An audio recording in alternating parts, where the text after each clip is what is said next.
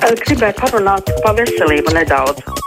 Gribētu iemest vienu akmentiņu arī žurnālistu dārziņā. 6722, 888, 672, 559, ir mūsu tālruņa numuri. Varat mums rakstīt uz adresi krustpunktā Latvijas radio.clv vai arī sūtīt ziņu no mūsu mājaslapas. Klausītājs zvana. Halo! Halo! Labdien! Labdien! Nu, man nekas sakāms arī par to pašu Amerikas vēlēšanu rezultātiem. Es domāju, ka uh, Trumps izvairījās no pilsoņu kara. Viņš arī nav saka, tāds uh, ģenerālis, kā bija Franko. Un es domāju, ka tā otrā pusē jau bija dažādi piekritēji melno rasisti. Mēs redzam to sorosiešus, marksistus, homoseksuālus, oligarkus. Tā kā ne tā labākā publika, tā kā cīņa būtu ļoti asiņaina būtu bijusi. Nu, Jā, paldies. Labi, vēl viens klausītājs zvana. Hello! Ui, klausītājs jau ir nometis klausuli. Tā, klausītāji mums raksta šādu vēstuli. Labrīt, kādēļ epidemiologu un valdība nevar pateikt konkrētus ciparus, kurus sasniedzot atceltu esošos ierobežojumus, piemēram, kritēriju, kumulatīvais rādītājs zem 4%, 500 saslimušie slimnīcā un cilvēki gaidīt un sekot līdz šiem rādītājiem, un tas būtu prognozējumāk cilvēku galvās. Citādi visu vaino valdību, ka viņi nelaiž cilvēkus brīvi dzīvot, bet skaitļi jau ir atkarīgi no sabiedrības ciemošanās, nevis valdība. Es pilnīgi piekrītu. Skaidrs, ka skaitļi ir atkarīgi eh, no sabiedrības, bet no valdības ir atkarīgs tas, eh, vai šī sabiedrība ir gatava, griboši ievērot visus ierobežojumus un gaidīt, un tā prognozīmība, par ko klausītāja raksta, tā ir ārkārtīgi būtiska. Klausītāja zvana, halo! Labdien! Labdien! Es te gribēju parunāt par tām minimālajām pensijām mazliet. Jā, lūdzu. Uh, nu, ieteikums būtu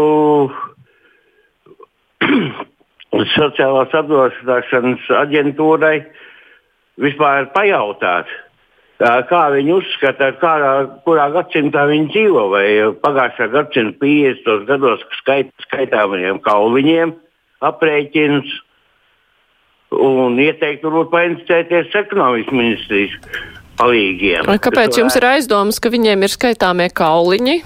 Nu kā, nu četrus mēnešus jāgaida pielikums pie minimālās pensijas. Ha, jā, tur tiešām laikam, ka nav pat uh, kauliņi tik ilgi jārēķina.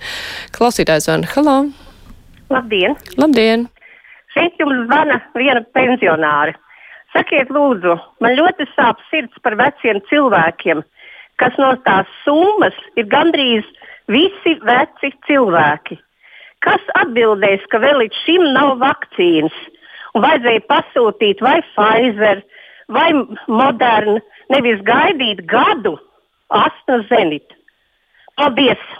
Jā, paldies. Nu, jūs nesat vienīgā, kas izsaka šo pār, pārmetumu. Adrians raksta, kas ar knabu vai attālināta mājas sēde pēdējo mēnešu laikā klusums, jauki laikam korupcija ir iznīdēta. Adrians. Savukārt viesturs raksta, ka vakar skatoties aizliegto paņēmienu, viņš ir sapratis, ka, ja ved uz Jēkabils slimnīcu, tad radiniekiem ir pamats satraukties pat ļoti. Hm. Klausītājs zvana. Halo! Labdien! Nu, tur jau ir tā nelaime, ka Trumps diemžēl nav ne pienošies, ne ģenerālis Franko. Viņam vienkārši dušas priekš tā nepietika, un tāpēc arī es domāju, viņa karjera līdz ar to ir beigusies. Bet runājot par ģimenēm, te apzināti cilvēki jauca, ka lūk, tur divas vecinītes kopā dzīvo divi vecīši, lai viens otru atbalstītu morāli, fiziski un visādi citādi arī materiāli dabiski, ka nu, tā ir viena lieta, un pavisam cita lieta, kad sanāk kaut kādi izvirtuļi kopā. Un tas jau ir dažādas lietas, vai viņi vienkārši dzīvo vai piedāvā pret. Mm -hmm. Skaidrs, jā. Jums tie ir izvirtuļi. Ričs raksta, arī valdības debīlie lēmumi ietekmē Covid ciparus. Nu, es piekritīšu tai ziņā, ka ja valdības lēmumi nav saprotami, ir nu, tādi apšaubāmi, tie preču saraksti ir cilvēkos radījuši ļoti lielu pretestību, jo, jo tie tiešām ir nu, diezgan dīvaini veidoti. Skaidrs, ka šādi lēmumi galīgi nemotivē cilvēkus ievērot ierobežojumus un attiecīgi tas ietekmē Covid ciparus. Tādā ziņā es pilnīgi piekrītu klausītājiem. Rīt raksta, labdien, vai žurnālisti ir interesējušies SPKC vāc datus par katru inficēto, tātad viņiem ir zināms visu sasirgušo darbu vietas amata nodarbinātība. Vai ir pieejami dati, kur redzams, cik inficēto ir skolēni, studenti, skolotāji, mediķi, šoferi, pārdevējs, policisti? Šos datus būtu liederīgi pētīt kopā ar valdības izstrādātiem aizliegumiem, ierobežojumiem. Hm, tā, nu tas ir. Būtu tiešām vērtīgi to zināt. Jautājums, vai kāds to apkopo? Klausītājs zvana. Halo! Labdien! Labdien!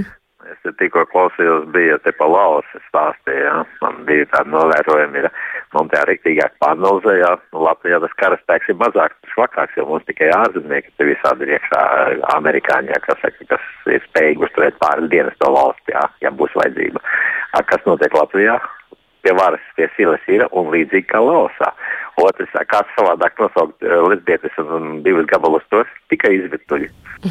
Nu, sapratu jūs domu gājienu. Varat palikt pie savām domām. Klausītājs Jānis raksta, kam tagad būs vajadzīgs supervakcinēšanās birojas, ja vakcīna būs četrkārt mazāk nekā plānots? Varbūt tad vismaz tikmēr, kamēr šo jaudu nebūs kā plānots, birojam jārisina citas problēmas. Kopēja problēma, protams, skaidra. Visa Eiropas Savienība ir ķeziņā. Hm.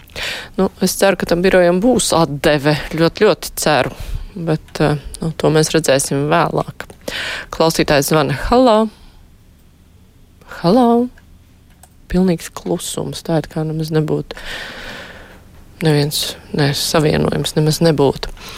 Tā pensionāra raksta to minimālo pensiju vispār nedrīkstēja palielināt. Mani ar 45 gadu darba stāžu tas dziļi aizvainoja. Tagad es saņemšu gandrīz vienādu pensiju ar tiem, kas knapi 15 gadus nostrādājuši, bet ko darījuši pārējā laikā? Klausītājs zvana Halā. Labdien! Labdien! Nu, pie mums tiek muļā, muļā tas kopdzīves likums, bet tas taču ir tik vienkārši. Ir kopdzīve, to nosaka pineģistēts kopdzīves likums. Kāpēc kādiem ir maniekāli tieksmi, to piepiet klāt ģimeni? Ģimenē tikai divas formas - monogāma un poligāma. Ģimenes kodols ir laulātie, un ģimenē var būt iesaistītie laulāto tuvinieku. Organizētās nozīmes grupējumiem taču nevar piešķirt juridisku statusu ģimeni, un citiem arī. Paldies! Jā, paldies! Tur tikai viena ķibela, ka nekāda jau nesenāk pieņemt arī to kopdzīves likumu. Ir bijuši vairāki piegājieni un nekādīgi tas nav uh, izdevies. Klausītājs zvana. Halo! Labdien! Labdien! Es uh, atkal par tām vakcinācijām. Es par to astru, nu, mīļā pasaulīt, arī šodien noklausījos par to astru, varot, nu, kad runāja Riņ, Riņ, Riņkevičs. Varot, pat cik viņi nesūta mums, varot nonākt pat līdz tiesai. Nu, bet paklausties, kā es tādai vakcinācijai, tādai vakcīnai ticu, ja viņi nesūta, viņi paši nav laikam pārliecināti, ka viņi ir normāli. Jā, paldies. Es uh, saprotu, ka jums šīs uh, AstraZeneca vakcīnas ir ļoti satraukušas. Nu, tā nesūtīšana tur ir versija, ka vienkārši nav saražots, ka pārdots kādam, kurš vairāk ir maksājis, ne jau tas, ka viņš šaubās par šo vakcīnu. Klausītājs Zana Halā. Uh, labdien! Labdien! Uh, sakiet, lūdzu, man tā skatoties televīziju, liekas, ka uh, tie skaitļi par kritušo procentu Covid cīņā Latvijā ir krietni lielāki nekā kaimiņiem. Vai tas tiešām tā ir, ja man tikai izliekas? Hmm. Jā, nu, nē, tur ir jāskatās un jāsalīdzina. Klausītājs Zana, halo! Labdien! Labdien!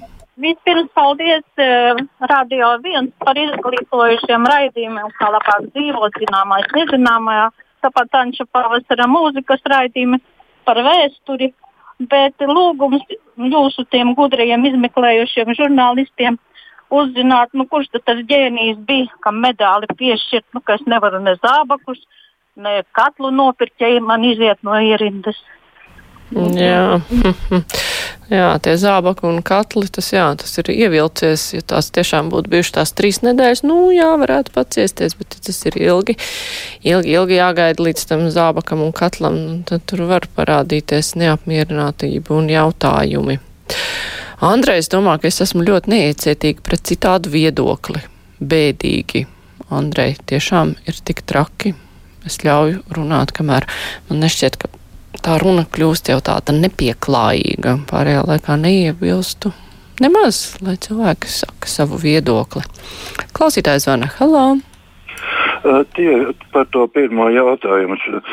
Tieši šorīt stāstīja, kādi tie skaitļi ir jāsasniedz, lai varētu tos ierobežojumus samazināt un parādīja. Un arī paredzēja, ka to varēs sasniegt, ja visu tur ievēros apmēram mēnešu laikā.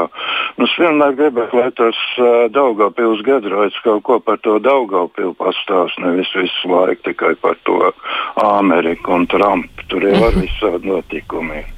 Jā, paldies. Jā, Jurijs Prevošikovs teica, viņš pirm, nu, minēja pirmo reizi īstenībā pēc cilvēku laika ciparus, kad varētu kaut ko sākt mēģināt atcelt, bet, nu, jā, nav jau teikts, nu, tur gribētos tā mazliet precīzāk, lai tiešām cilvēki var sekot tam visam līdzi.